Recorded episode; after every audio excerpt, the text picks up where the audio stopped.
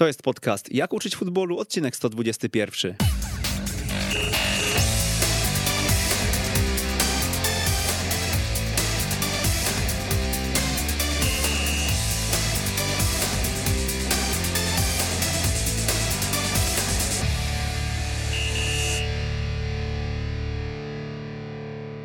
Jak uczyć futbolu, odcinek 121. Przy mikrofonie Przemysław Mamczak. Witam serdecznie. Pod koniec roku 2020 e, na polskim książkowym rynku pojawiły się dwa suplementy do narodowego modelu gry Polskiego Związku Piłki Nożnej. O jednym rozmawialiśmy dwa tygodnie temu z trenerem Marcinem Dorną e, oraz z Robertem Podolińskim, bo dotyczył on systemu 1-3-5-2, ale był też e, drugi suplement, przygotowanie psychologiczne. Przygotowanie psychologiczne, którego treści nadzorował, chyba mogę tak powiedzieć, e, trener Paweł Habrat, e, który jest dzisiaj ze mną. Dzień dobry, trenerze. Witam cię Przemku, witam państwa e, serdecznie. To zapytam może na początek, ilu trenerów na dzień dzisiejszy, po tam, nie wiem, kwartale, może nie całym, przeczytało ten suplement? Macie jakieś miary? Bo to jest zawsze dla mnie największy znak zapytania, czy to, co piszecie, faktycznie później jest czytane. Podobnie jak psychologia jest to oparte bardziej na e, czuciu, e, bo wiem, że e, sam suplement wyszedł w około 9 tysiącach egzemplarzy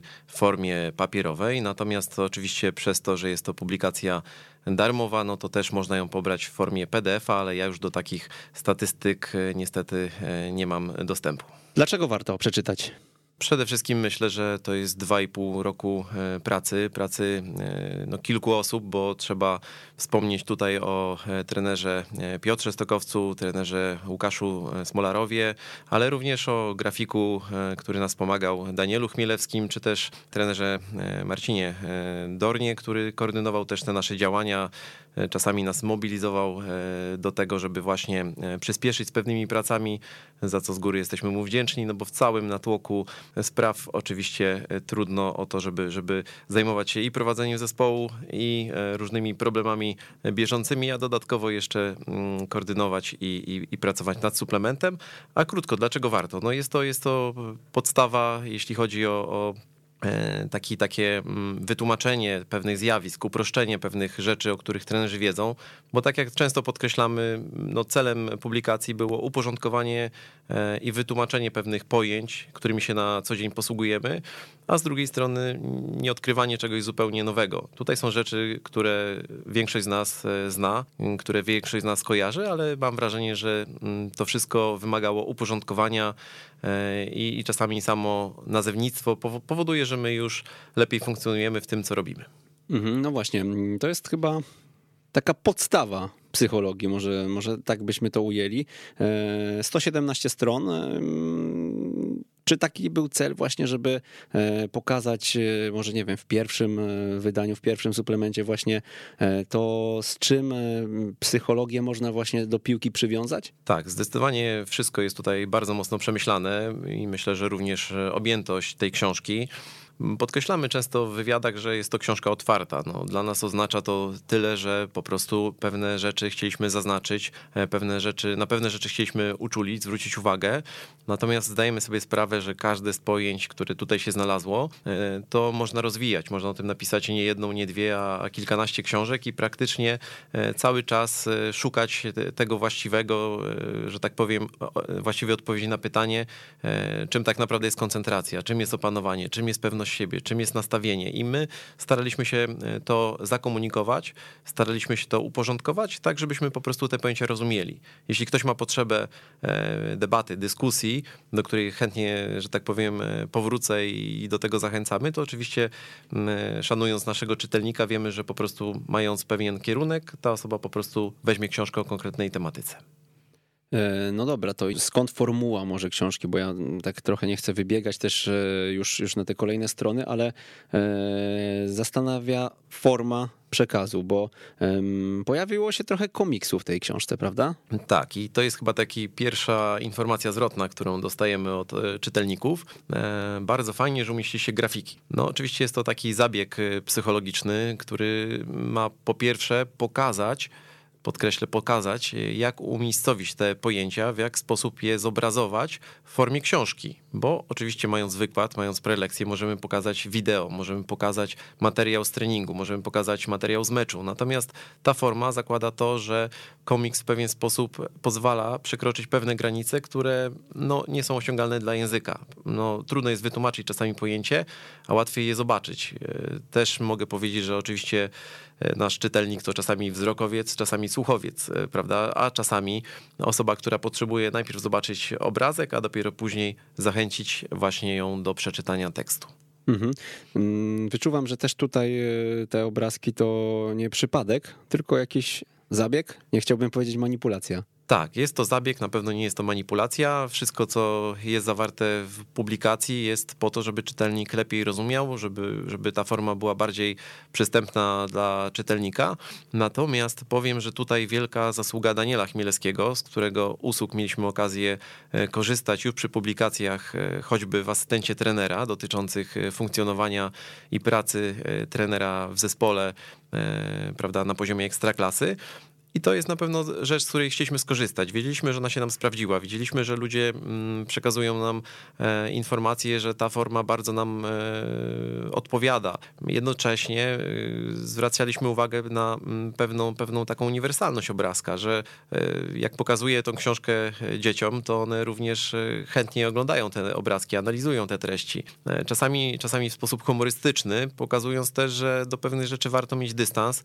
E, spojrzeć na to nieco z boku, a nie przez pryzmat e, tylko i wyłącznie pracy i, i, i takich emocji, które często towarzyszą, prawda?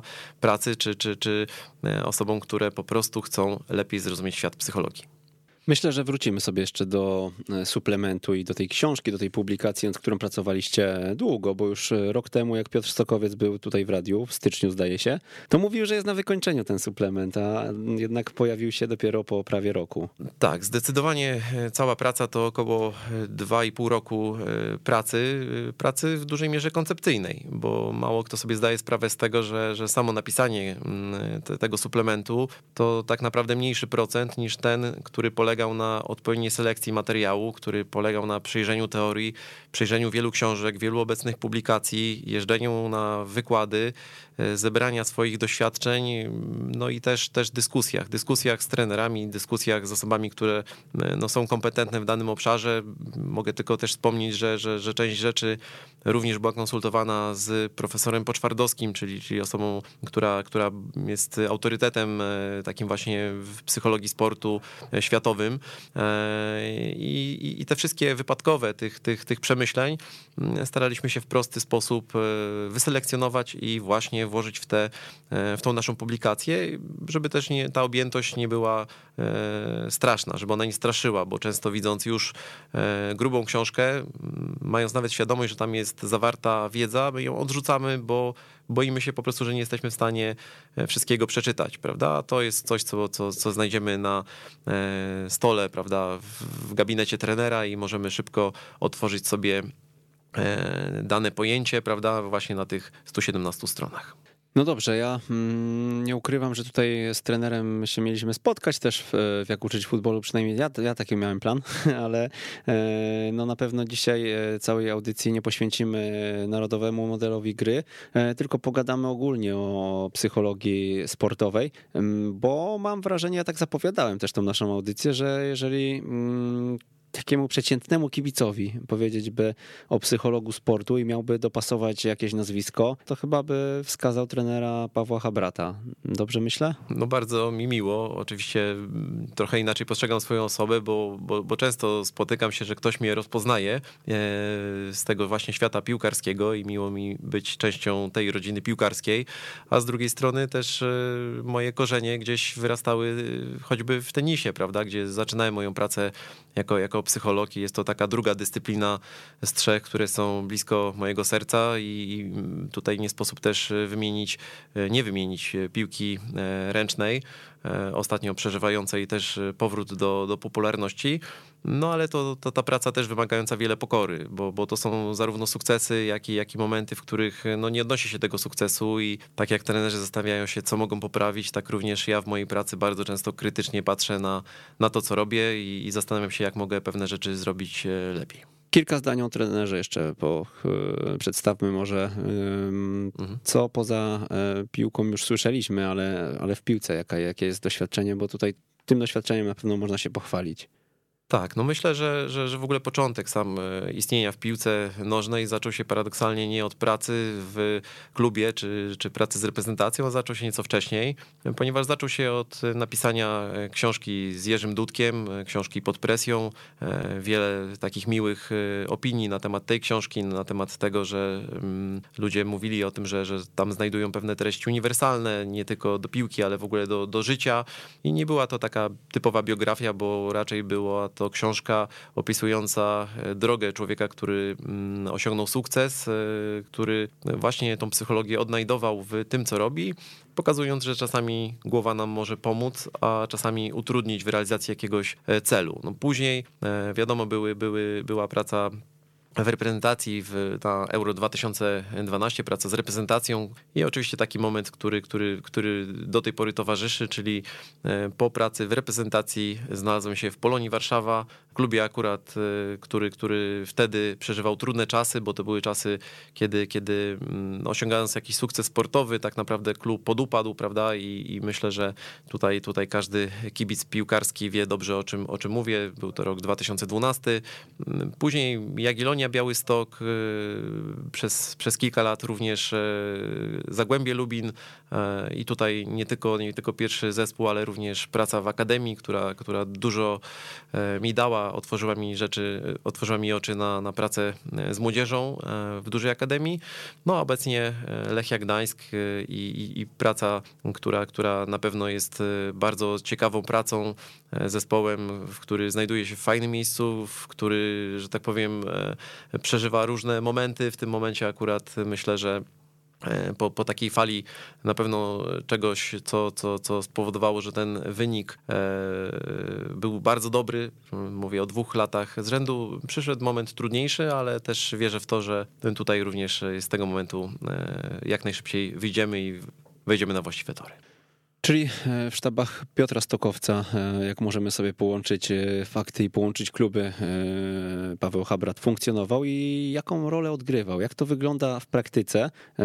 Bo dzisiaj myślę, że ten psycholog sportu w sztabie piłkarskim jeszcze ciągle trochę enigmatycznie brzmi. Tak, i myślę, że ta praca również ewoluuje. To znaczy, ona nie, nie wygląda na pewno tak, jak wyglądała na przykład w 2012 roku, i myślę, że mm, ta ewolucja przebiega tak, ponieważ e, ja bardzo szybko zrozumiałem, że mm, tą psychologię, którą wynosimy często z akademii, z, z, ze studiów, e, ze szkoleń, to jest tak naprawdę mm, teoria, która musi również e, znaleźć swoje, swój użytek w praktyce. A żebyśmy my rozumieli lepiej e, zawodników, to musimy przede wszystkim rozumieć ich język, rozumieć ich funkcjonowanie, więc to jest praca z ludźmi, z szatnią, ale też z trenerami. I, i tutaj na pewno bardzo dużo wsparcia e, merytorycznego dostałem właśnie zarówno od trenera Piotra, jak i trenera Łukasza Smolarowa, ale też myślę, że, że doświadczenie trenera Jarka Bako tutaj warto e, podkreślić, wybitnego bramkarza, wielokrotnego reprezentanta Polski, bo każdy z nich, mimo że zupełnie inny, wnosił w moją praktykę inne spojrzenie. Praktykę, która polegała często na tym, żeby zobaczyć, jak funkcjonują bramkarze. Praktykę, która polegała na dobraniu języka odpowiedniego do zawodników, e, żeby on nie brzmiał niezrozumiale, żeby on nie brzmiał śmiesznie, prawda? Mm, no z kolei też myślę, że to bardzo często E, zabieranie ze sobą e, takich osób na, na, na wykłady, na warsztaty, żeby również były, były mm, osobami, które dają mi informację zwrotną o tym, jak tą pracę wykonuję, było dla mnie takim krokiem zwrotnym w tym, w tym co robię. I, i myślę, że na pewno trzeba w tym w to, to wypośrodkować, że z jednej strony czerpać z teorii, no bo to jest nasza podstawa. My nie możemy zupełnie odlecieć i, i, mówić wszystkiego, bo nam się wydaje, bo, bo, bo tak było w innym zespole. Tylko musimy się opierać o teorię, a z drugiej strony ta teoria, żeby była e, praktyką, my musimy rozumieć sport, w którym pracujemy. Więc zawsze będzie psycholog potrzebował dobrego wprowadzenia do tego świata sportowego, a w tym przypadku do piłki nożnej, piłki nożnej klubowej. No dobrze, no to e, mm, pojawia się, e, pojawiacie się w klubie. Mm, no i od czego zaczynacie mm, taki rekonesans? E, jak, w jaki sposób wyszukujecie sobie pracę chyba? Znaczy powiem, że akurat moja, moja funkcja jest zależna od zawodników i od trenera, prawda? Ja jestem mhm. gdzieś po środku, bo, bo też muszę powiedzieć, że jak zapytałeś mnie o to, jak ta praca wygląda obecnie, ona i powiedziałem, że wygląda inaczej. Na pewno w pierwszych etapach w 90% byłem dla zawodników, w 10% tych spotkań byłem dla trenerów. Dziś ten procent uległ zmianie. Uważam, że, że sztaby dziś potrzebują e, pracy psychologa i myślę, że to jest 70 do 30, gdzie psycholog jest potrzebny e, nie tylko, nie tylko mm, zawodnikom, ale również trenerowi, który jest również w pewnym sensie psychologiem, w takim rozumieniu, że musi wykorzystywać wiedzę psychologiczną do tego, żeby dobrze funkcjonować właśnie w zespole sportowym, żeby lepiej rozumieć zawodników. To jest jakby bardzo, bardzo ważna zmiana, bardzo ważna e, rzecz, o której mówię i pracę zaczynam zawsze od pewnej wizji, e, pewnych celów i mm, dobrego rozeznania się, w jakim środowisku będę pracował. E, próbuję też jak najlepiej zrozumieć szatnie, zrozumieć miejsce, w którym są zawodnicy, zrozumieć samych zawodników i można to uzyskać na różne sposoby, bo oczywiście sposobami bardziej obiektywnymi jest obserwacja, prawda, jest wywiad psychologiczny, ale też testy psychologiczne, które również w pewien sposób pomagają zbudować taki psychologiczny profil zawodnika. E, ale mówiąc szerzej i, i, pokazując, jak bardzo jest to skomplikowany zawód, my nie możemy tylko i wyłącznie ograniczać się do tego, że my widzimy zawodnika, tylko musimy przede wszystkim zobaczyć człowieka, czyli osobę, która bardzo często pojawia się w klubie na 2-3 godziny, natomiast później wraca do domu, gdzie spędza pozostały czas, więc bardzo często ten kontekst jest ważny, czy, czy, czy zawodnik jest polski, czy jest z zagranicy, czy ma rodzinę, e, czy ma wsparcie, e, czy dobrze się czuje, e, czy wcześniej miał kontakt z psychologiem lub psychologią, jaki jest poziom jego świadomości na temat tego, jak funkcjonuje, czy głowa mu bardziej przeszkadza, czy bardziej pomaga. E, czy przeszkadza, prawda? Więc to też jest e, taka rzecz, którą, którą warto, warto mm, brać pod uwagę. Więc początek pracy, jeśli mnie o to pytasz, polega na dobrym e, zebraniu informacji o tym, do czego dążymy i też z kim pracujemy. No dobra, zainteresował mnie ten wątek współpracy ze sztabami. Jakiś konkret jesteśmy w stanie wyciągnąć, może nie z waszej współpracy, a może z waszej, tego i tak nikt nie będzie wiedział. Jak to wyglądało z tej perspektywy, na przykład co poradziłeś, nie wiem, już nie, już nie trzymając się Piotra Stokowca, ale przyszedłeś i co, co mu powiedziałeś, w jaki sposób? Tak, ja myślę, że to jest taka pierwsza rzecz, która, która jest ważna, że bardzo często myślimy, że psychologia to jest poradnictwo, prawda? No nic bardziej mylnego. Bardziej jest tak, że psycholog mając wiedzę z zakresu mm, funkcjonowania człowieka, e, wiedzę o człowieku i jego konstrukcji psychologicznej, jest w stanie jakby podpowiedzieć i, i pokazać, jakie są konsekwencje pewnych decyzji. E, ja postrzegam w ogóle mm, e, działanie trenerów jako, jako dokonywanie każdego dnia E, no, kilku do, do kilkunastu wyborów, prawda? Wyborów dotyczących tego, jak będziemy z zawodnikami się komunikować, e, co będziemy zawodnikom mówić, e, jak będziemy słuchać zawodników, jak postrzegamy filozofię pracy trenera. Więc to są takie rzeczy, które bardzo często trener może ze mną skonsultować. To są takie rzeczy, które można przegadać, a bardzo często myślę, że w tym wszystkim, co robimy, brakuje po prostu dyskusji i brakuje uwzględnienia aspektu psychologicznego w tym, co robimy.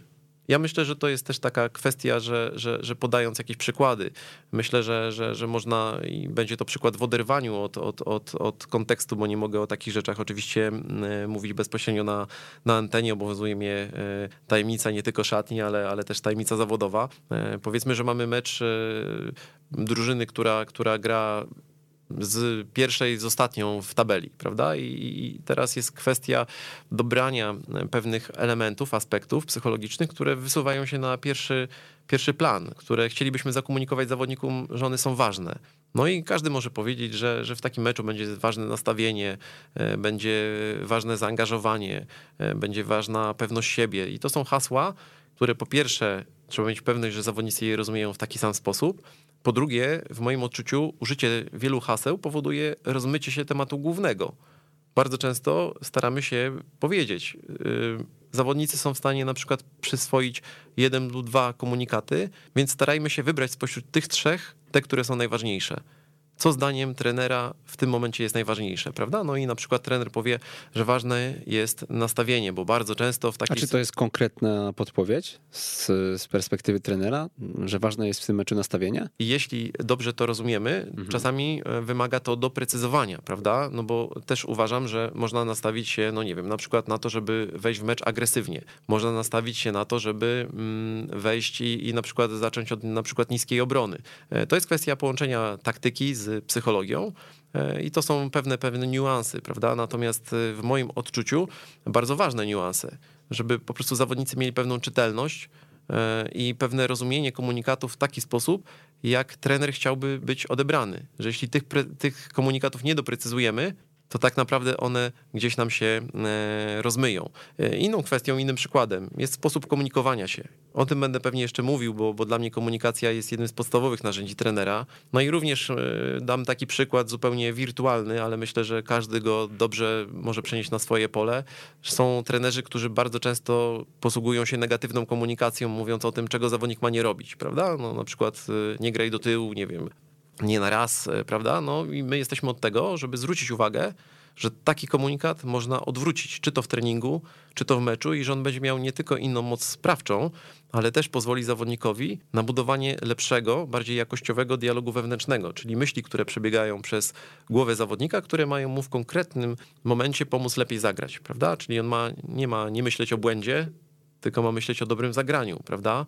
E, myślę, że to są też takie, takie niuansiki, gdzie psycholog mając szerszą wiedzę może to skomunikować, ale tych obszarów jest tyle, ile, ile co najmniej tyle, ile mm, pojęć w suplemencie e, no bo każdy obszar podlega, podlega mm, no, pewnej decyzyjności, pewnemu wyborowi o tym, jak chcemy o nim mówić, kiedy chcemy o nim mówić. Więc jakby te wybory są łatwiejsze, kiedy, kiedy jest obok psycholog, który może być informacją zwrotną dla trenera.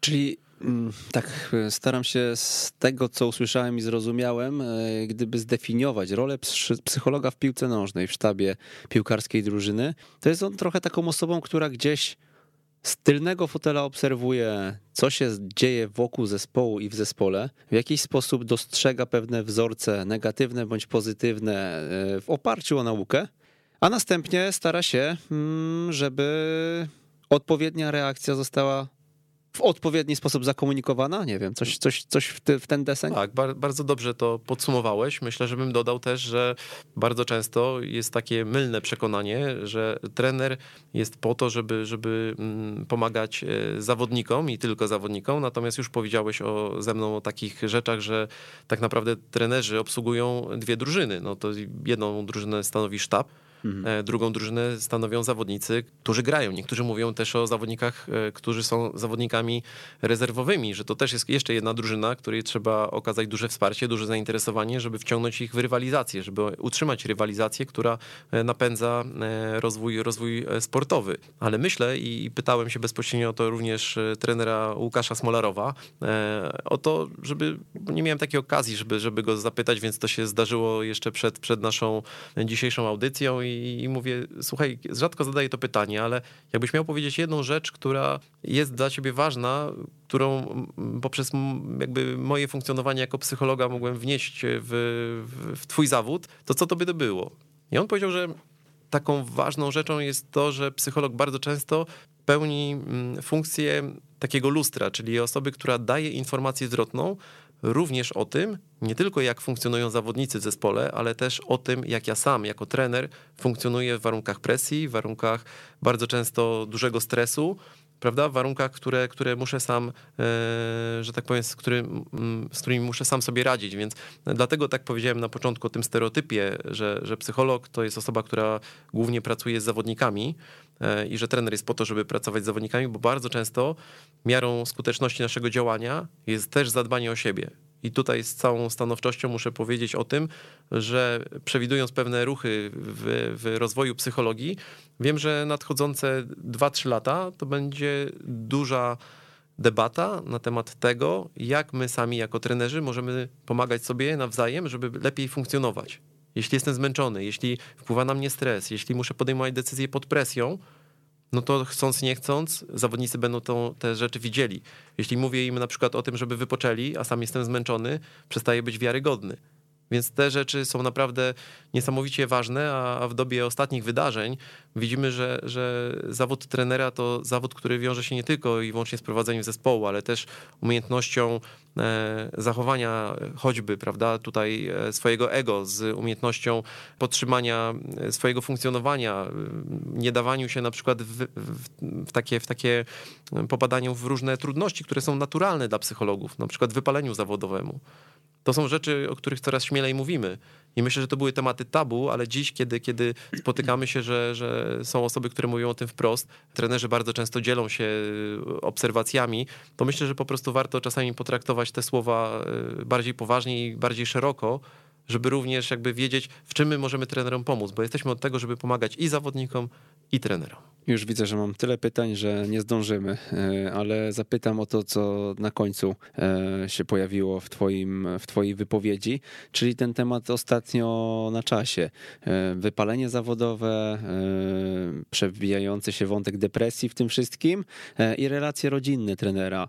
Czy dzisiaj z perspektywy nawet takich jakichś doświadczeń i przykładów empirycznych jesteśmy w stanie powiedzieć, że da się to wszystko poukładać i, e, i w jakiś sposób funkcjonować e, przez lata na najwyższym poziomie jako trener? Na pewno. Nie, nie, nie mhm. płacąc za to kosztów, oczywiście mówię o zdrowiu, o rodzinie, prawda?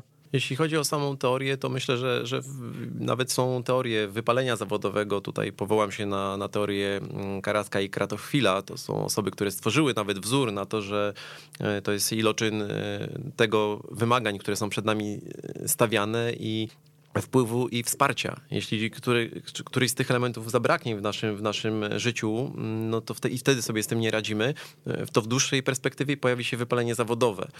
Bardzo często to są też kwestie obiektywne. A co jest w tym jeszcze ten wzór, jakbyśmy sobie przeanalizowali? Tak, ja go, ja go, dołączę może do, do naszej audycji, żeby, żeby był jasny, prawda? No to jest taka matematyka w psychologii. E, jeśli wymagania, które są stawiane, przekraczają iloczyn e, wpływu i wsparcia, które jest nam udzielane, i to w dłuższej perspektywie będziemy się wypalać, prawda? I myślę, że bardzo często jest takie poczucie, szczególnie w sporcie, gdzie e, kontrola w ogóle wyniku jest bardzo często iluzoryczna e, i wiemy dobrze, że jednego roku osiągamy sukces, drugiego roku powtórzenie tego sukcesu może być bardzo trudne i to dotyczy nie tylko polskiego podwórka, to dotyczy szeroko rozumianego sportu i nie tylko piłki nożnej.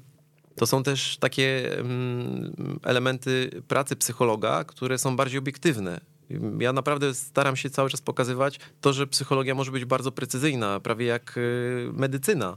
Mamy urządzenia na przykład do pomiaru naszego wzbudzenia, prawda? No, często mówimy uogólniając do pomiaru stresu, czyli na przykład urządzenia do biofeedbacku, prawda? Czyli zobaczenia też, jak nasz układ nerwowy funkcjonuje w warunkach przeciążenia, w warunkach pomeczowych. I to są bardzo ważne rzeczy, kiedy my możemy podłączyć się danego trenera po meczu, i pokazać mu, dlaczego akurat on czuje tak duże zmęczenie, dlaczego on mimo tego zmęczenia czuje pobudzenie, które uniemożliwia mu zaśnięcie.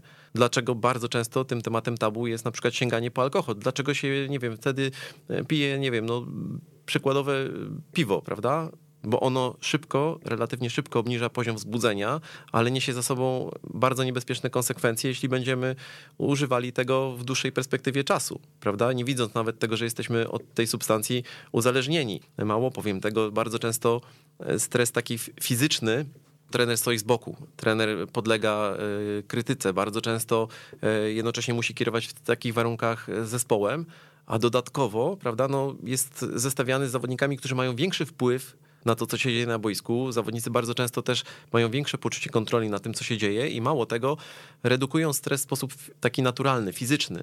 No, życie trenera to jest bardzo często takie życie, że od razu po meczu, bez względu na to, czy on jest wygrany, czy przegrany, no, powrót do szatni, przemyślenie, co należy powiedzieć, e, prawda, zawodnikom, bo kończymy jeden mecz i zaczyna się kolejny mecz, a w międzyczasie trzeba pójść na konferencję prasową. Ten komunikat również może mieć bardzo e, ważną e, rolę, do tego, żeby później prowadzić narrację w całym kolejnym tygodniu. To wszystko dzieje się w bardzo krótkim odstępie czasu, z dużą dawką presji, z dużą dawką stresu, więc myślę, że jako człowiek od środka lepiej te problemy rozumiem i myślę, że bardzo często nie zgadzam się z takimi mm, opiniami, które no, wyrażane są przez osoby, które, które nie czują w ogóle sportu. Widzą tylko coś i, i wicinek jakiejś pewnej rzeczywistości, prawda? E, zastanawiając się na tym, dlaczego coś tak wygląda, a nie inaczej. I no, nigdy bym sobie nie pozwolił na to, żeby oceniać któregokolwiek z trenerów, natomiast widzę, że sami trenerzy zaczęli bardziej odważnie mówić o, o, o, tych trudnościach i to jest na pewno taka zmiana, która idzie w dobrą stronę, jeśli również środowisko psychologów, osób, które dają wsparcie trenerom, e, też wytłumaczy, jak można sobie z tym wszystkim radzić, nie tylko w sposób teoretyczny, ale też praktyczny. No oby, oby to się pojawiło, bo w zasadzie chyba jeszcze nie widziałem e, takich informacji, a patrząc na realia piłki nożnej, właśnie mm, ten cotygodniową kontrolę w postaci właśnie tego, tej oceny naszej pracy nie? Przez, przez pryzmat wyniku, e, presji wokół, presji kibiców, ludzi, e, prasy i tak dalej, e, no to trzeba być naprawdę albo dobrze poukładanym, żeby sobie być w stanie nad tym zapanować, albo, albo w jakiś sposób e, no, odpornym chyba, tak? Nie wiem, czy to pewnie z perspektywy psychologii nie mówię teraz, teraz tak, jak powinienem, ale dobra, od, zostawmy ten wątek. Przypomniało mi się jeszcze, że podłączałeś mnie do biofeedbacku w Szklarskiej Porębie kiedyś, e, ale chyba zakończyłem to w 12 sekund, bo tam trzeba było jakąś tęczę przekierować w odpowiednie miejsce i chyba się rozluźniłem totalnie. Tak, może dla słuchaczy tak wa warto mhm. wyjaśnić, czym to jest to urządzenie, że to nie jest jakieś kosmiczne urządzenie, mimo że, że część osób uważa, że powstało w NASA.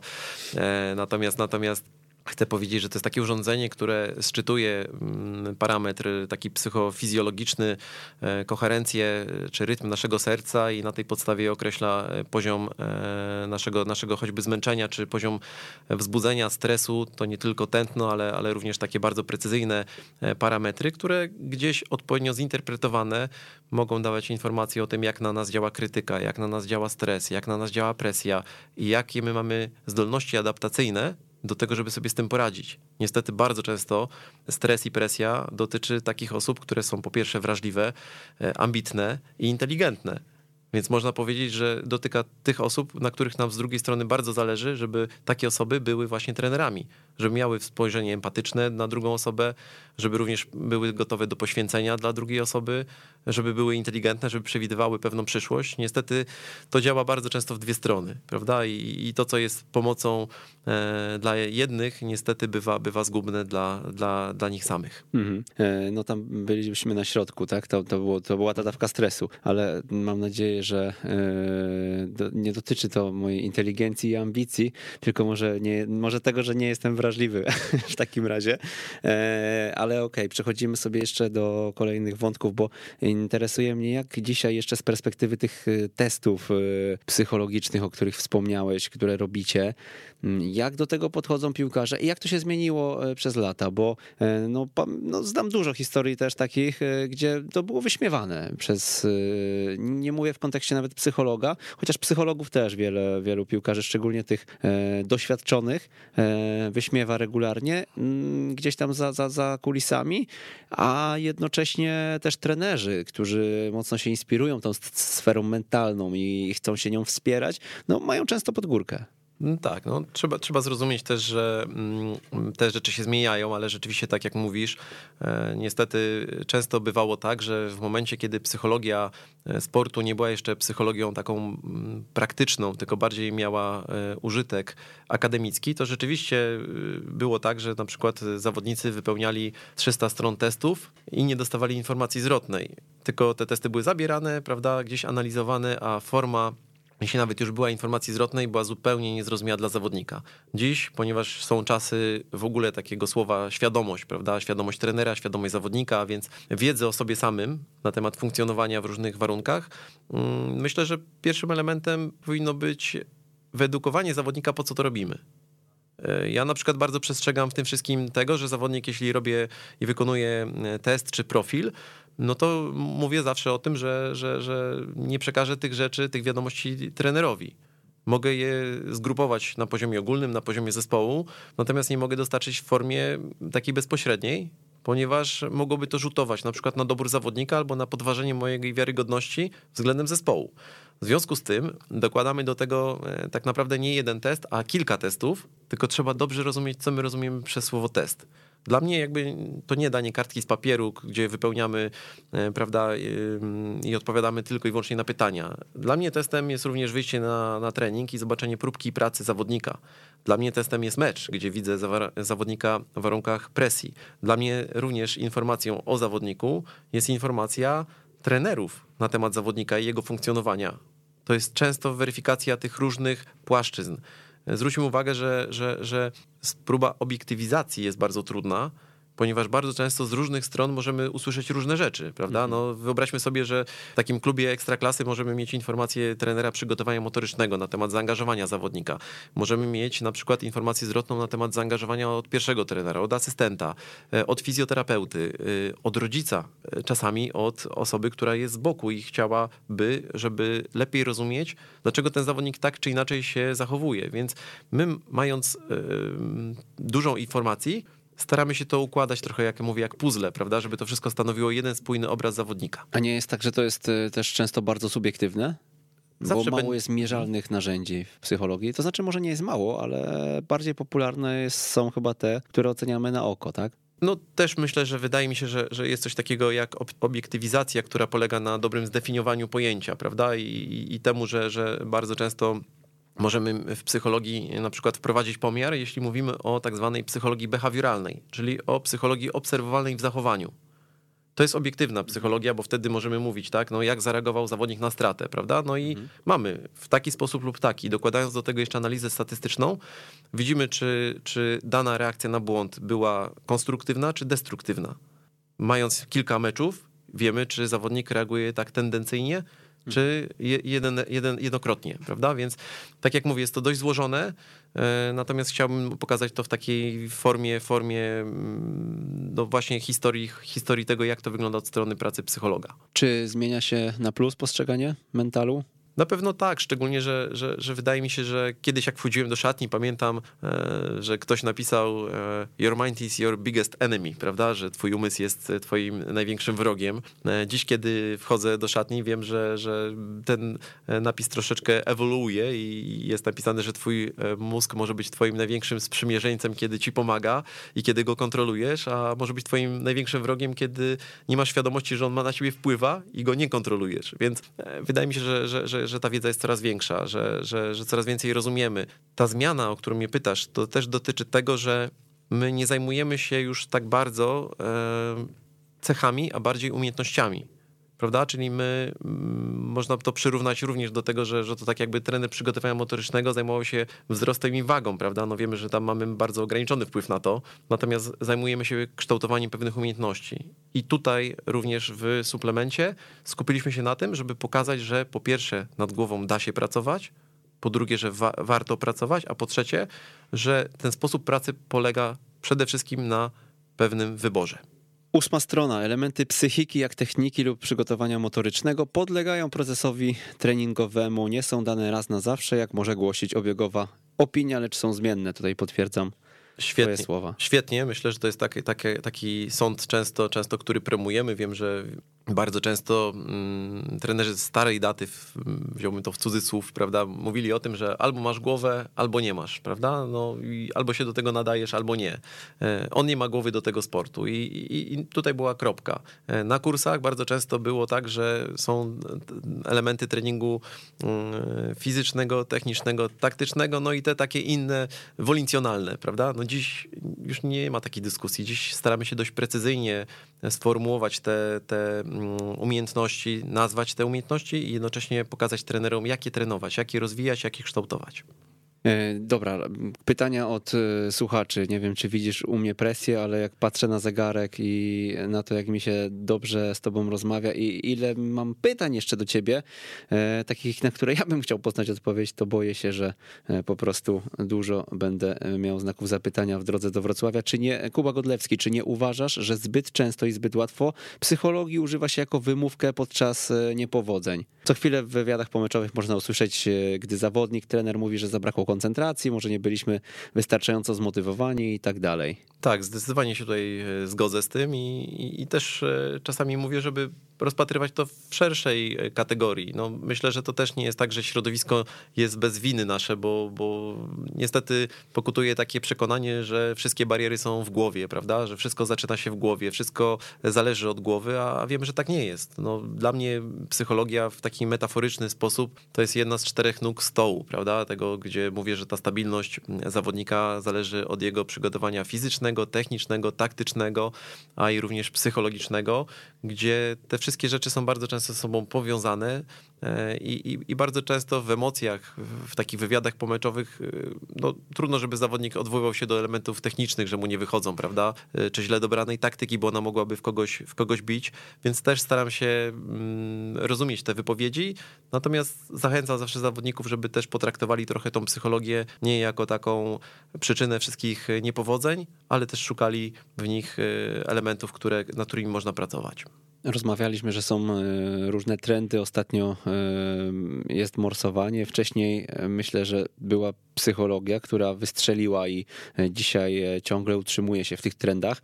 Powiedz mm, dla osób, które nas słuchają, to może zostać psychologiem sportu, twoim zdaniem? Jakie trzeba mieć cechy, żeby, żeby to zrobić? I mm, okej, okay, można się wszystkiego nauczyć, ale kto ma większe predyspozycje, żeby być dobrym po prostu psychologiem? No, takie pytanie wręcz akademickie i to są pytania, które często zadają mi studenci e, na, na, na studiach. Pytanie na pewno, na pewno no, gdzieś tam przez, przez mój pryzmat mogę powiedzieć, jak, jak, jak e, postrzegam. No, na pewno e, potrzebna jest osoba, która, która utrzyma swoją osobowość, a nie będzie kogoś odgrywać, bo w dłuższej perspektywie czasu utrzymanie pewnego aktorstwa w tym, co się robi, jest po prostu niemożliwe, a zawodnicy również widzą taką niespójność, że w momencie, kiedy kończy się pracę, to nagle człowiek jest kimś innym. Myślę, że to jest zawód, który wymaga, wymaga przede wszystkim e, dużo pokory, rozumienia, rozumienia tego, że mówimy tak naprawdę o bardzo skomplikowanych procesach zachodzących w głowie i że czasami do pewnych rzeczy dochodzimy poprzez proces, że one nagle te odpowiedzi,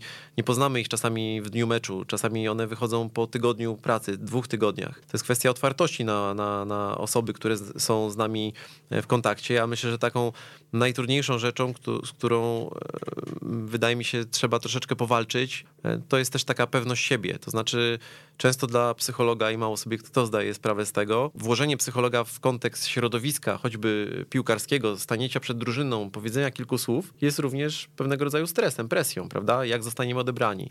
E, czy, ta, czy, te, czy będziemy śmieszni?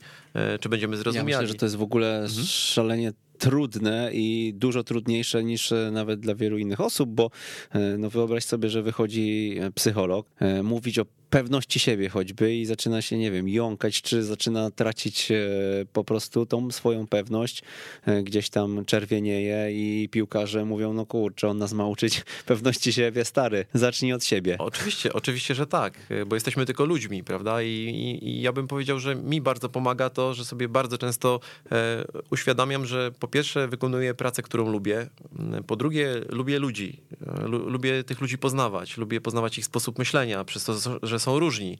I mało tego, sobie często mówię, że ja jestem dla nich, więc e, to mi też pomaga w tym, żeby po prostu przekazać im tą wiedzę najlepiej jak potrafię. No, gdzieś uważam, że ważne jest przygotowanie, że to nie jest tak, że ja sobie wyjdę i powiem coś na spontanie, jak to często e, zwykle się przyjęło mówić, tylko przygotuję się do takiej rozmowy, zastanowię się nad tym, czy ta rozmowa ma trwać 15 minut, czy ma być e, godziną rozmową, czy ma być inspiracją, czy ma być odniesieniem do czegoś, co miało miejsce na przykład na ostatnim meczu.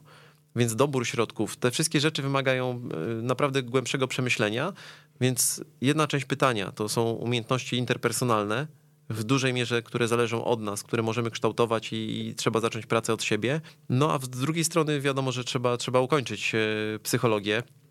Obecnie jest, jest wiele ofert y, na, na rynku właśnie ukończenia psychologii, czy też ukończenia studiów y, po psychologii, ukończenia studiów podyplomowych z psychologii sportu, prawda? Co byś polecił z tych kursów, studiów, studiów podyplomowych? Gdzie dzisiaj warto iść? Bo to ja też kiedyś to weryfikowałem sobie i zastanawiam się, która droga jest najlepsza. Z twojej perspektywy, jako doświadczonego tutaj, tutaj człowieka w tym zakresie, który od wielu lat y, pracuje ze sportowcami na najwyższym poziomie, e, no jeżeli mogę cię prosić o taką totalną szczerość, proś, żeby po prostu polecić jakieś tam dwa fajne miejsca, powiedzmy, a, a, a nie mówić, że e, nie zweryfikowaliśmy innych, więc trudno oceniać je w jakiś sposób w zestawieniu z tymi, bo do czego zmierzam?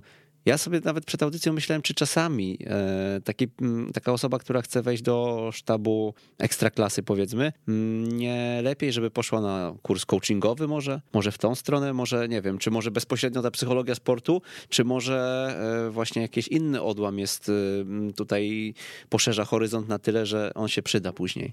No, widzimy z jednej strony, że, że psychologia sportu jest e, przede wszystkim kierunkiem na studiach, prawda? Dostajemy za to tytuł e, magistra, gdzie możemy go dalej rozwijać, prawda? Doktoryzować się i tak dalej, i tak dalej. Natomiast oczywiście, no widzimy też, że, że pojawiają się trenerzy mentalni, coachowie, prawda? Gdzie też e, ta grupa jest coraz bardziej liczna, no pokazująca, że też jest inna droga dotarcia do zawodnika.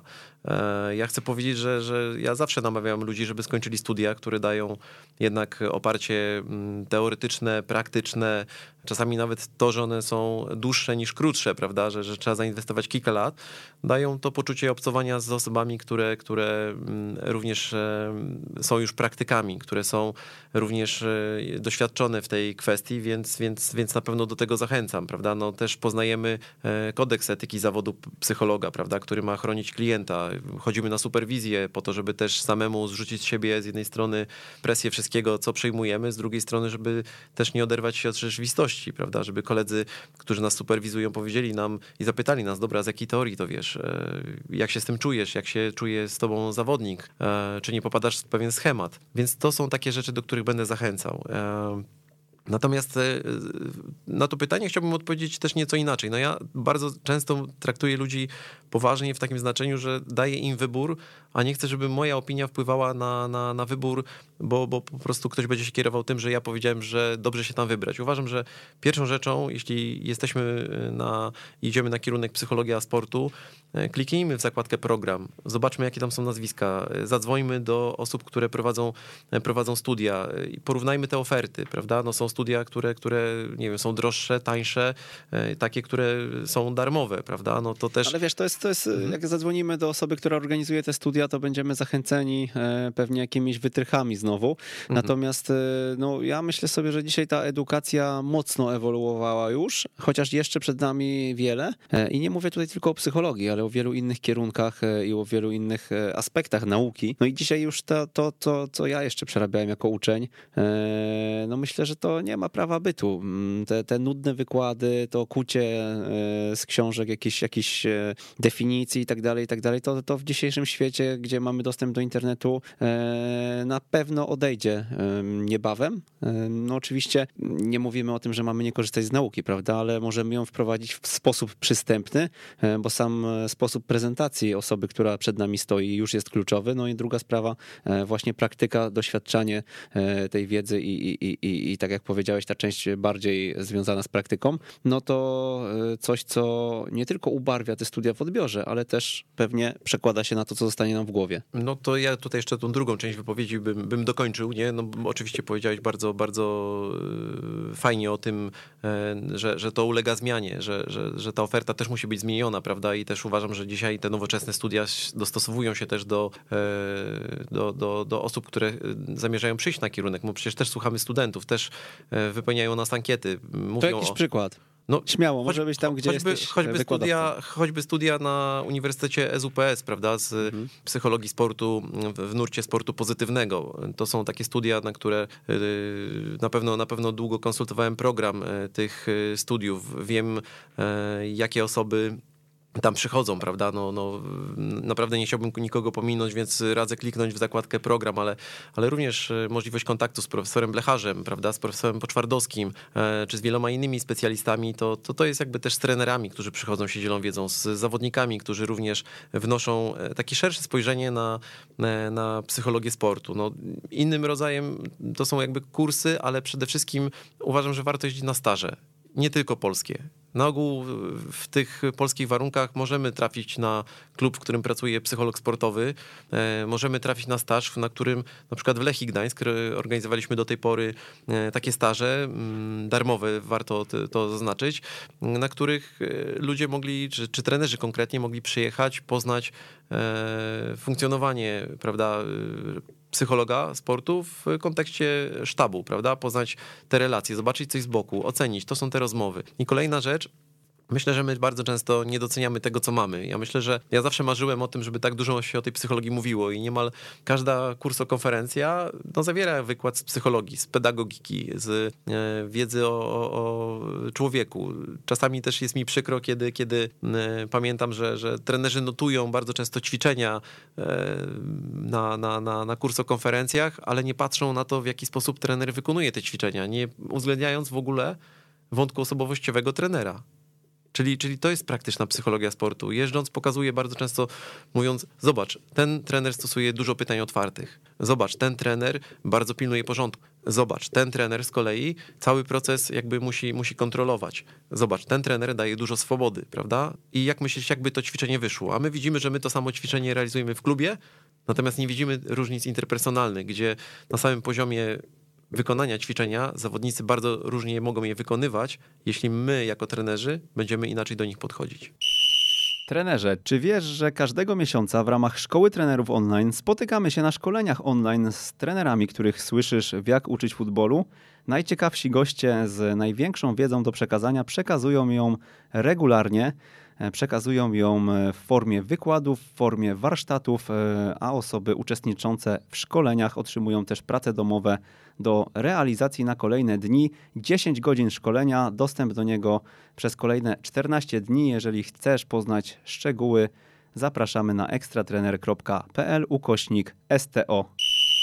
Jarek Bytniewski pyta, e, jako ceniony psycholog sportu, co sądzisz o braku ewidencji spotkań, meczów, turniejów w młodszych grupach? Odejście od e, punktacji, brak triumfatora, co za tym idzie, również przegranego. Czy tak nauczymy dzieci radzić sobie z porażką i czy ten sposób organizacji rozgrywek będzie miał e, dodatni wpływ na chęć trenera do podnoszenia swojej wiedzy w celu osiągnięcia sukcesu? Czy stwierdzenie nie przejmujcie się, to tylko zabawa nie łamie priorytetu w sporcie?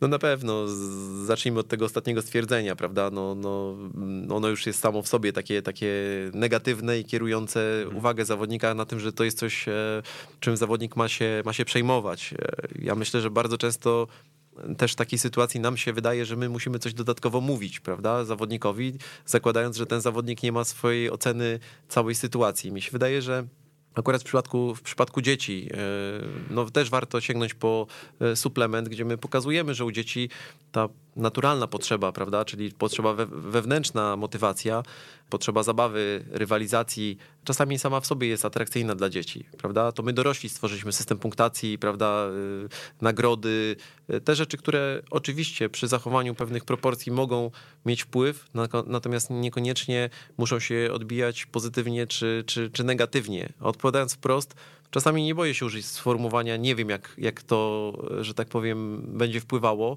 no bo nie jestem e, wróżem ani wróżką. Myślę, że to jest taki proces, który warto obserwować i zobaczyć, jak to wpłynęło.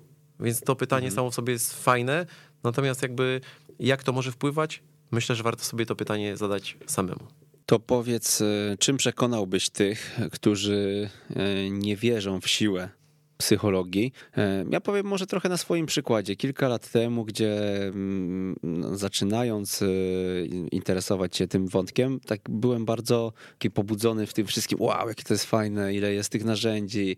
E, jedno, drugie, trzecie, notowanie, zgłębianie wiedzy, kongresy psychologii sportu, kolejne szkolenia, kolejne jakieś niuanse, wychwytywanie tego, ale w pewnym momencie gdzieś nie, nie, nie wiem, czy mi się to przejadło, czy o to tutaj chodziło, ale Mm, gdzieś tak stwierdziłem, że ostatecznie to chyba i tak wszystko e, bazuje na naszej świadomości.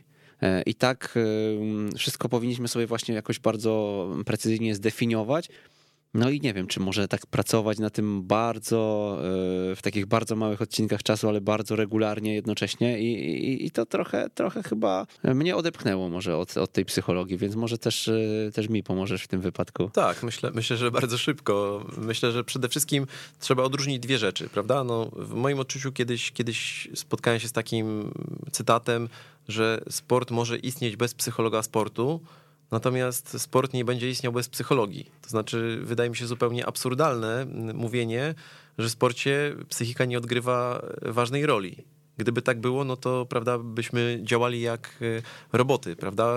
Gdzieś tam był, był trening, wchodzilibyśmy e, na mecz i byśmy grali tak, jak gramy trening. No skądinąd powiedzenie, że są zawodnicy meczowi, e, prawda, czy że mecz E, nie wiem, przegrało się w szatni, nie jest stwierdzeniem e, psychologów, a jest stwierdzeniem e, trenerów. Więc myślę, że, że, że, że pewna rzecz jest taka, na którą można się zastanowić, czy każdy z trenerów potrzebuje psychologa. I tutaj ta odpowiedź jest bardziej złożona, bo uważam, że trener potrzebuje wiedzy z zakresu psychologii, niekoniecznie psychologa. Psycholog jest pewnym komfortem, pewną, pewną rzeczą dodaną, Natomiast absolutnie uważam, że, że na kursach, e, czy to kursach UEFA, czy, czy kursach w ogóle szkolących trenerów, powinni, e, powinien się tam znaleźć aspekt związany z psychologią. No jest to rzecz nieoderwalna. A jeśli mnie pytasz o taki przykład namacalny, powiem ci, że, że który zrobił na mnie największe wrażenie, to była taka sytuacja, w której poprosiliśmy z trenerem Łukaszem e, zawodnika, żeby wykonał kilka ćwiczeń. E, to były ćwiczenia akurat z ćwiczeń kerwerowskich, prawda, no, ćwiczeń technicznych. No było bardzo ciekawe, bo wzięliśmy zawodnika, który był techniczny, no i proszony był zawodnik o to, żeby, żeby wykonać ćwiczenie. Trener Łukasz odgrywał rolę trenera, który popełnia błędy, które znajdziemy w suplemencie narodowego modelu gry, czyli e, stosował na przykład nadmierną ilość pochwał, czasami stosował nadmierną ilość krytyki, e, czasami e, stosował nadmierną kontrolę, a czasami, prawda, mm, mówił ogólnikami. No i dla mnie niesamowite było to, że ten zawodnik praktycznie stracił swoje umiejętności, stracił całe poczucie jakby bycia dobrym technicznie, bo w momencie, kiedy, kiedy i szukał winy w sobie, mówił, że jakiś dzisiaj jest dzień zły, prawda? Prosiliśmy go, żeby jeszcze raz wykonał te ćwiczenia i zobaczyliśmy, że on wszedł na zupełnie inny poziom. Nagle się okazało, że jak za sprawą czarodziejskiej różdżki, on zaczął wykonywać te e, rzeczy bez najmniejszego problemu. To był taki materiał, który nagrywaliśmy na potrzeby szkolenia o komunikacji, ale nie zdawałem sobie sprawy z tego, że sam brak świadomości tego, że, że trener robi to celowo, powoduje tak duże zmiany w funkcjonowaniu jakby naszego, naszego, naszego, że tak powiem, e, organizmu, prawda? Czy, czy mówiąc tutaj konkretnie, funkcjonowaniu zawodnika. Mhm. 14 zagadnień e, poruszyliście w suplemencie. Mm, ja tutaj tak skrótowo opakowaliście znów tutaj to kolejny zabieg, e, pewnie żeby zostało łatwiej w głowie i, i połączyliście to w cztery skróty. Kop, nos, ok, i KO, czyli KOP, koncentracja, opanowanie, pewność siebie, NOS, nastawienie, odpowiedź i 100% zaangażowania, OK, e, odpowiedzialność, kreatywność i KO, komunikacja, konsekwencja. No te wątki nie będziemy tego rozwijać na pewno, bo to jest za darmo e, do pobrania, a w wojewódzkich związkach również do odbioru. E, osobiście pewnie, no raczej z tego co wiem, nie ma z tym problemu, żeby sobie w siedzibie związku to, ten suplement w wersji papierowej odebrać. No to powiedz, dlaczego akurat te i co wypadło z, z waszych jakichś początkowych planów i, i nad czym się zastanawialiście? Oczywiście. Postaram się połączyć to twoje pytanie, ponieważ e, rzeczywiście było tak, e, że zadaliśmy sobie pytanie, jak byśmy chcieli, żeby to wszystko wyglądało. No, wiedzieliśmy, że chcemy to poukładać, więc e, początkowo zapoznaliśmy się z materiałem matką, czyli mm, narodowym modelem gry. Wypisaliśmy wszystkie pojęcia, które tam były używane w kontekście treningu. A drugim elementem było to, że skorzystaliśmy z takiej struktury, która nam się sprawdziła, czyli skrótowce, bo one są łatwo zapamiętywalne, więc chcieliśmy, żeby trenerzy mieli, mieli ten porządek. I trzecia rzecz to przeglądanie piśmiennictwa. I to była rzecz, która myślę, że, że, że tutaj każdy z naszej trójki podzieliliśmy się materiałem, bo tego jest naprawdę tak dużo, że po prostu człowiek nie byłby w stanie nadążyć nad tym. I staraliśmy się porządkować to w pewne zbiory. prawda? Czyli, czyli mówiąc o pewnych podejściach, widzieliśmy, że coś może być określane jako, jako nastawienie, coś może być e, pojęciem z zakresu treningu mentalnego, prawda? I staraliśmy się przypisać te wszystkie pojęcia i uporządkować je w taki sposób, żeby, żeby one zahaczały o wszystkie pojęcia, które sprawdzają się w praktyce, które są potrzebne trenerowi do tego, żeby lepiej rozumieć funkcjonowanie zespołu czy też zawodnika w meczu. Ostatnim etapem było też e, umiejętne zlokalizowanie tych e, elementów, bo suplement jest tak zbudowany, że przechodzi przez kilka osi. Pierwszą osią jest oś czasu. Wszystkie pojęcia, które tutaj są zawarte, dotyczą tego, co się dzieje przed meczem, tego, co się dzieje w czasie meczu i tego, co się dzieje po meczu. Kolejna rzecz, kolejna oś to są osoby, czyli te zjawiska mogą dotyczyć trenera, te zjawiska mogą dotyczyć zawodnika i pewne zjawiska mogą dotyczyć zespołu. Ostatnią, ostatnią rzeczą, którą, którą pokazujemy, to pokazujemy też to, że wszystkie te pojęcia będą dotyczyły wszystkich osób, które tutaj są wymienione. E, te zjawiska mogą również e, wymagać pewnego rozszerzenia, więc e, staraliśmy się również w budowaniu rozdziałów zwracać uwagę na jedną najważniejszą kluczową rzecz, która była, jest wyboldowana, a z drugiej strony jest umieszczona w obrazku, żeby lepiej rozumieć ten cały proces. Więc to jest naprawdę był, był, był, był proces bardzo przemyślany skrupulatnie ułożony i jednocześnie taki nadający porządek, więc nawet jeśli którykolwiek z trenerów czy osób zainteresowanych sięgnie po, po suplement, to zobaczy, że u nas spis treści jest w formie obrazka. Dlaczego? No bo łatwo odnaleźć się w tym obrazku, prawda? Jeśli mamy z czymś trudność na meczu, to prawda, wiemy na której stronie otworzyć, bo otwieramy obrazek. Jeśli widzimy, że coś dzieje się przed meczem, to też wiemy, jakich to rzeczy może dotyczyć. Więc staraliśmy się to w ten sposób y, uporządkować. Wyszło 14 umiejętności.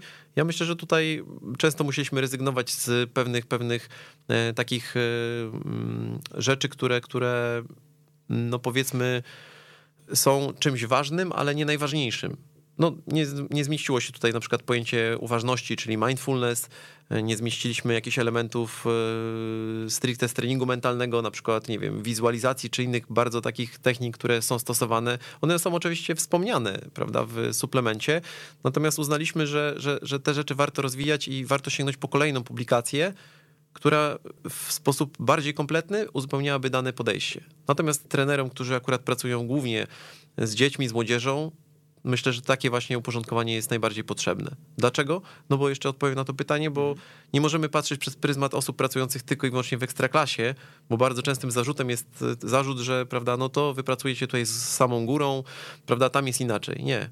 Tutaj w tym suplemencie staraliśmy się dostrzec wszystkich. E, I myślę, że takim fajnym zabiegiem, który też jest tutaj uwzględniony, jest, jest choćby to, że, że mamy, mamy postać nie tylko trenera, ale też trenerki bo bardzo często, czy, czy zawodniczki, że bardzo często mówimy o e, pracy z kobietami, e, a jeśli chodzi o ikony czy, czy, czy rysunki, są rysunki męskie. Więc pierwszą informacją, którą e, zwrotną, którą uzyskałem, taką miłą, była informacja od zawodniczek, że, że w końcu jesteśmy, prawda, i nawet okładka, prawda, gdzieś w centralnym punkcie znajduje się tutaj też nasza znakomita zawodniczka, właśnie po to, żeby te pojęcia dostrzegać. Dobra, mamy suplement, planujecie kolejny, e, bo tutaj mówimy o jakimś rozwijaniu. To jest zalążek jakiś, czy nie? No my chcieliśmy w tym pierwszym momencie skupić się, bo to jest, pamiętajmy, to jest książka z grudnia 11 grudnia, prawda, 2020 e, roku, więc to jest świeże wydanie.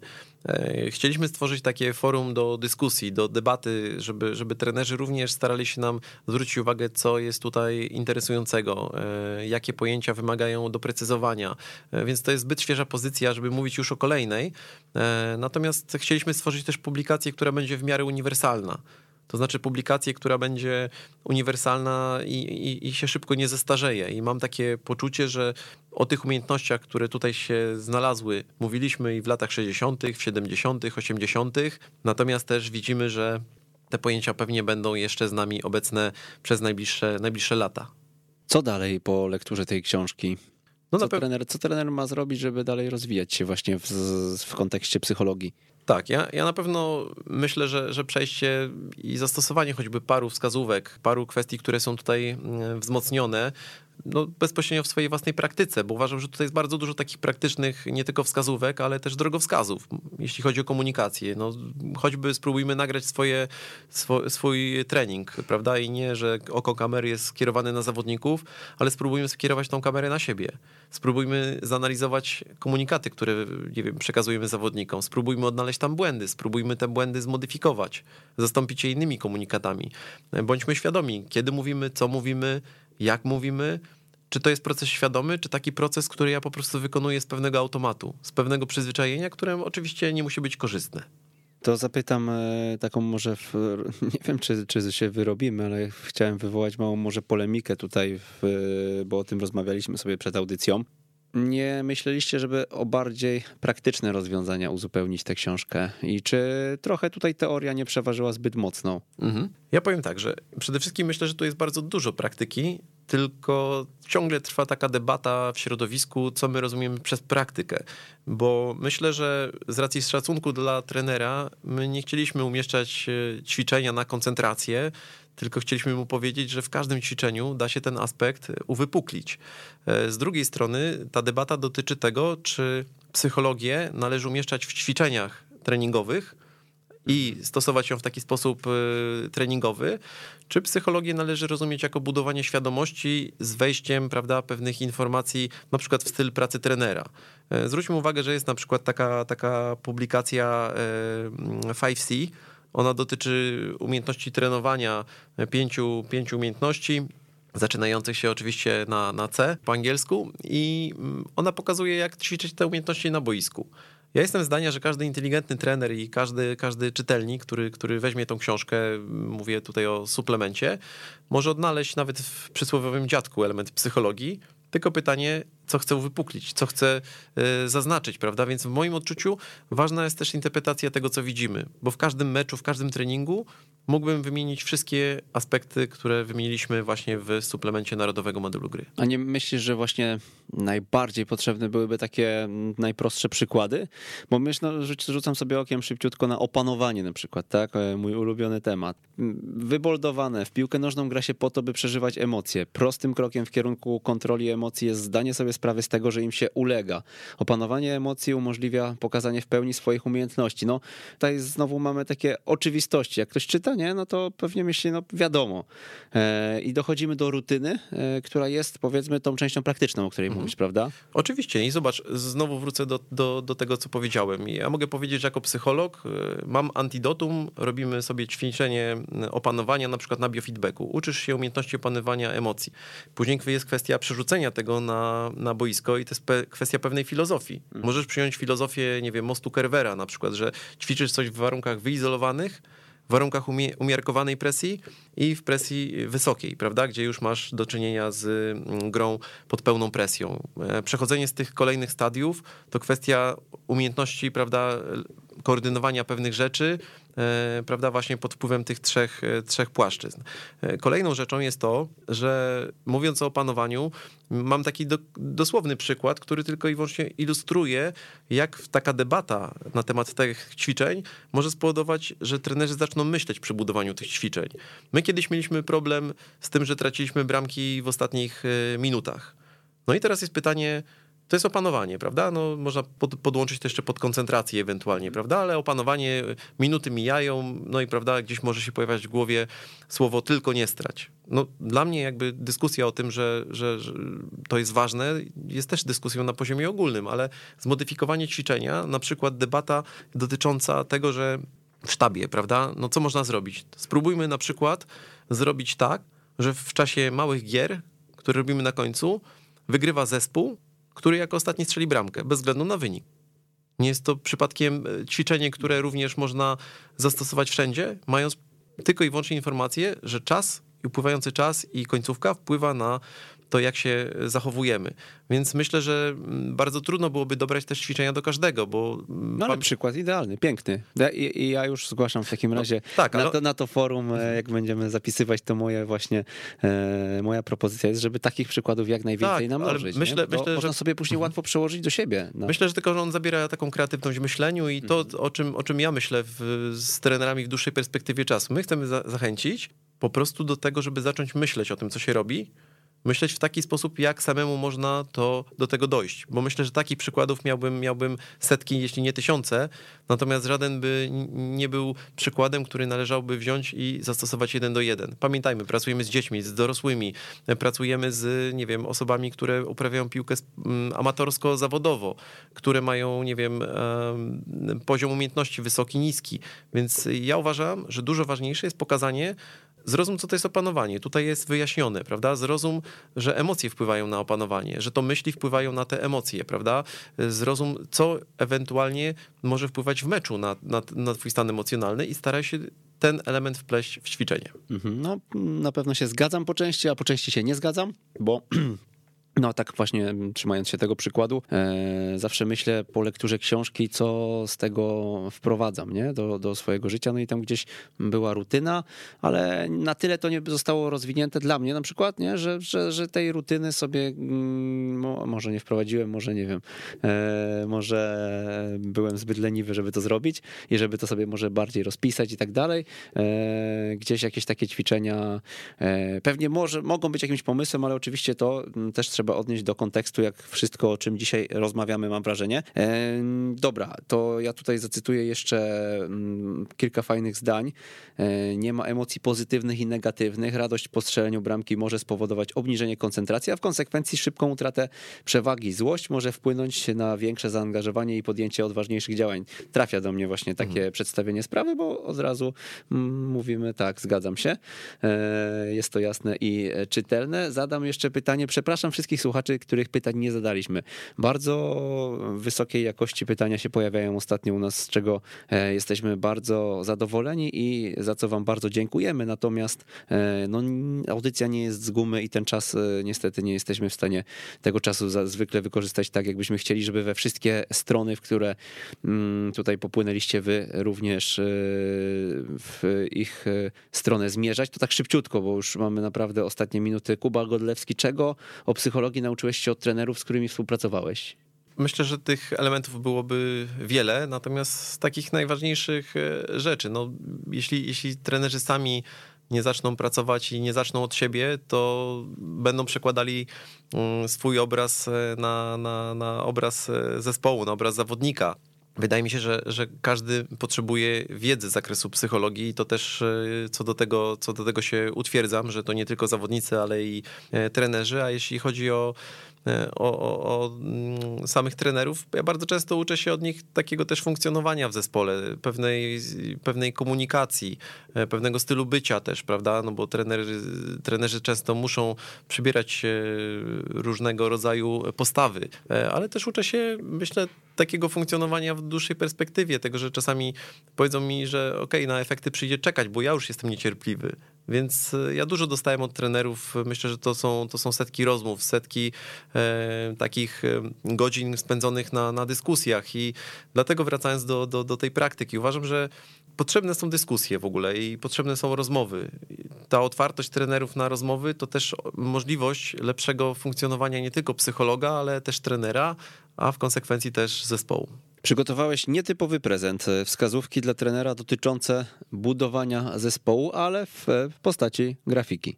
Tak, żeby być precyzyjnym, to, to przygotowała je Ania Usorowska, która, która e, jest autorką tych e, rysunków, ale wspólnie też pomyśleliśmy o, o, o czymś, co, co jest uniwersalne, co może się przydać każdemu trenerowi w formie takiej autorefleksji, prawda? Można zobaczyć sobie takie elementy, które w naszym rozumieniu są ważne w budowaniu zespołu i zastanowić się nad nimi, jak my to robimy. Więc ja lubię inspirować, lubię, lubię też autorefleksję, a niekoniecznie przepadam za tym, żeby być i mieć funkcję doradczą, czy mówić pewne rzeczy wprost, bo uważam, że one zabijają kreatywność nie, nie, nie u zawodnika, a bardziej w sposobie myślenia trenera.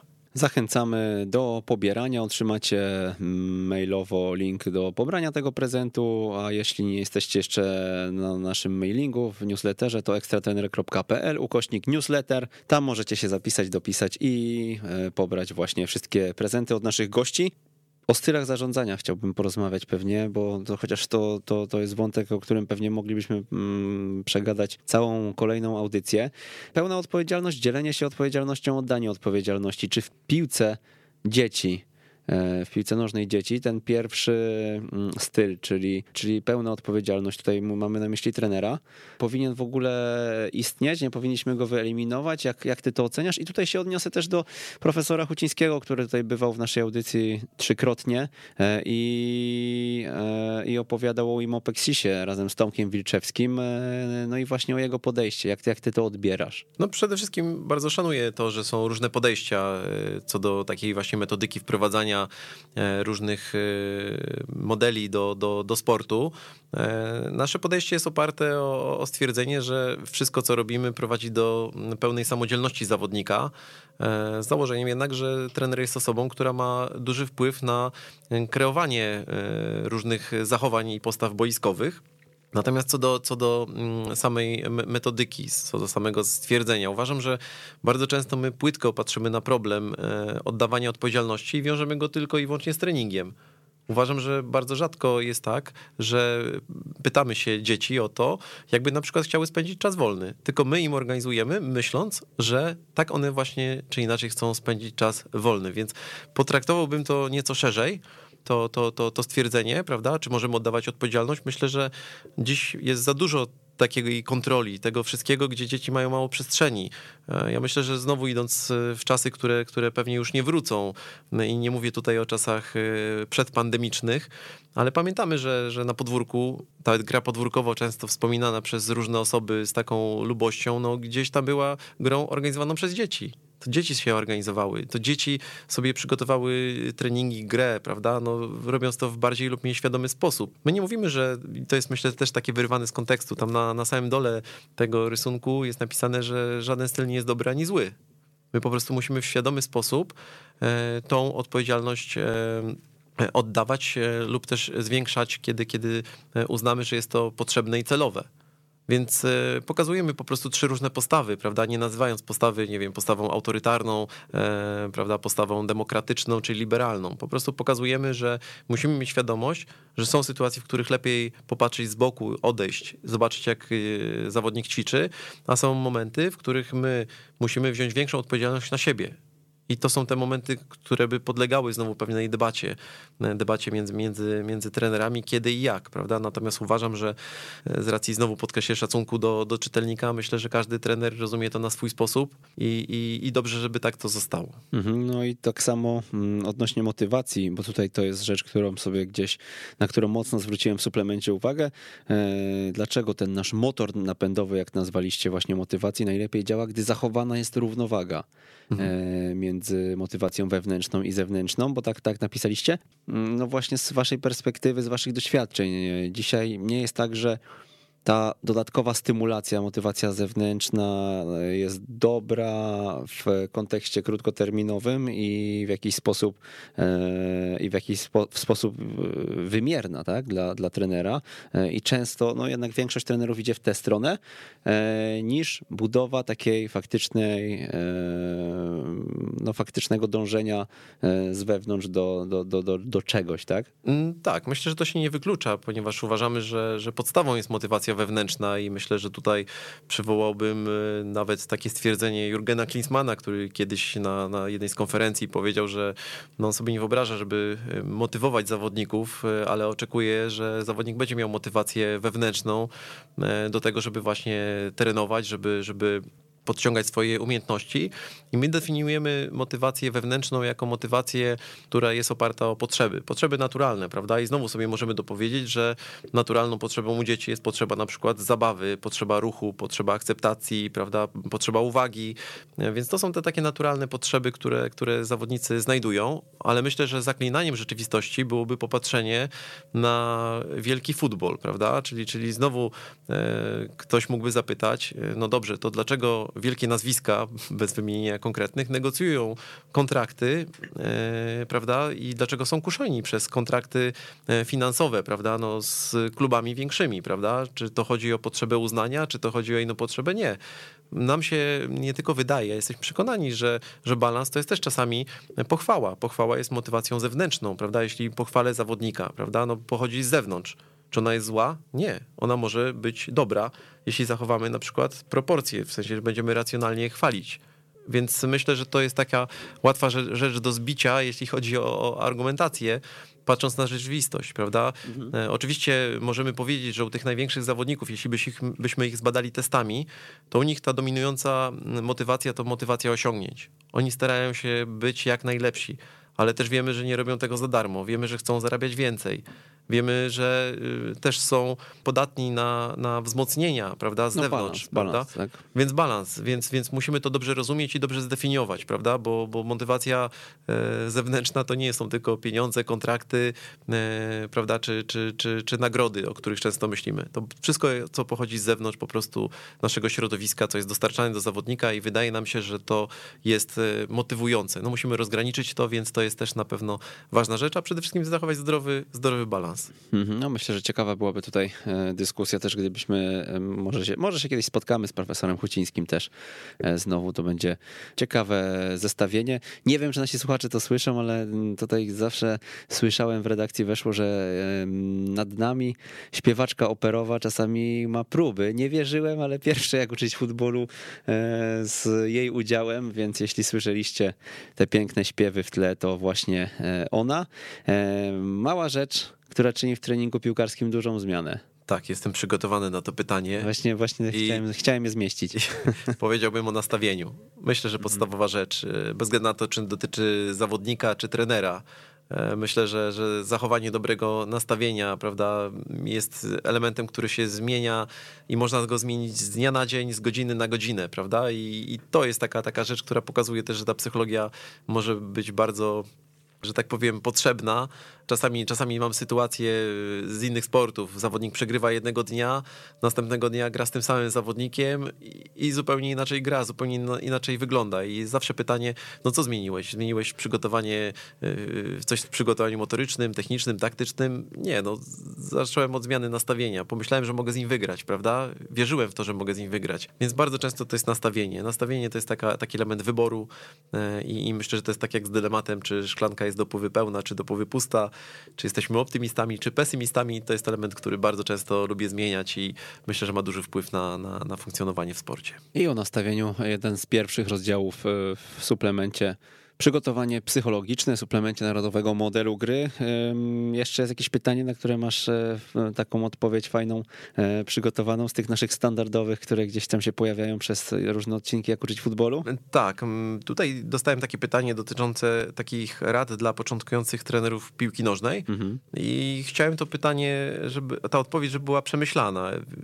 Kilka, kilka e, dni myślałem nad tą odpowiedzią i myślę, że przede wszystkim, żeby trenerzy uważali na dwie rzeczy. Po pierwsze, na wnioskowanie z siebie, mhm. czyli jeśli coś jest dobre i było dobre dla mnie, to będzie też dobre dla moich podopiecznych. Mhm. Wyjdźmy spoza, spoza tego schematu. E, I druga rzecz, e, myślę, że nie przywołujmy takich stwierdzeń, które bardzo często są niezrozumiałe i bardziej irytują. I też zapomnieliśmy, że kiedyś nam tak mówiono, czyli e, za moich czasów było inaczej. Wiadomo, że było inaczej, bo wszystko ulega zmianie. Dziś nie wystarczy stwierdzić, że było inaczej, tylko trzeba szukać pewnych zmian w tym, co się zmieniło obiektywnie, w środowisku, w systemie, e, w wiedzy zawodnikach, a potem, że tak powiem, przejść do swojej pracy. Raymond Verheyen w swojej najnowszej książce pisze właśnie o tym chyba przykładzie w Barcelonie e, i i o wycieczce do Barcelony właśnie w kontekście pogody, e, gdzie, gdzie tam przez trzy dni, e, skoro padał deszcz, no to znaczy, że w Barcelonie zawsze pada deszcz. To, ale to już ładnie nam rozwinąłeś. Dobra, mm, książki załączymy. Mm, top 5 książek polecanych trenerom, bo to zawsze robimy, więc załączymy do opisu odcinka na ekstratrener.pl ukośnik 121 e, i z jakim zdaniem chciałbyś naszych słuchaczy zostawić w takim razie? Mm, też myślałem o tym i myślę, że czasami jeśli nie możesz zmienić e, sytuacji, to zmień sposób myślenia o tej sytuacji. Pięknie przygotowany e, gość. Dzisiaj ja jeszcze dorzucę zdanie ze 113 strony, czyli jednej z ostatnich e, waszej książki. Świadomy trener jest na bieżąco z nowinkami, ale nie ulega modom. Myślę, że bardzo ważne i E, i istotne zdanie. Paweł Habrat był e, moim gościem dzisiaj. Dziękuję ślicznie za zaproszenie i dziękuję Państwu. I ja również dziękuję. To był 121 odcinek Jak uczyć futbolu. Przemysław Mamczak. Do usłyszenia za tydzień. Jeżeli podobał Ci się ten odcinek, mamy do Ciebie prośbę: poinformuj jednego znajomego trenera o tym, że istnieje taki podcast jak Jak uczyć futbolu. To pozwoli nam dotrzeć do znacznie większego grona odbiorców niż obecnie, za co Ci z góry pięknie dziękujemy. Raz jeszcze, do usłyszenia.